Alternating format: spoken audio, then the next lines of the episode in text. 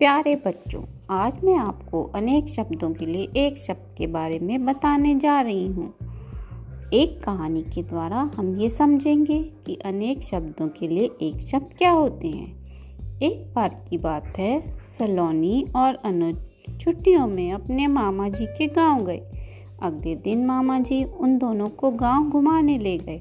वहाँ सलोनी ने एक आदमी को मिट्टी के बर्तन बनाते हुए देखा। और बोली यह क्या कर रहा है? मामा जी ने कहा ये कुम्हार है चाक पर मिट्टी के बर्तन बना रहा है। आगे चलकर अनुज ने एक आदमी को नदी में कपड़े धोते हुए देखा और बोला यह कपड़े धोकर नदी का पानी गंदा कर देगा। मामा जी ने कहा यह धोबी है। हाँ इसे यहाँ कपड़े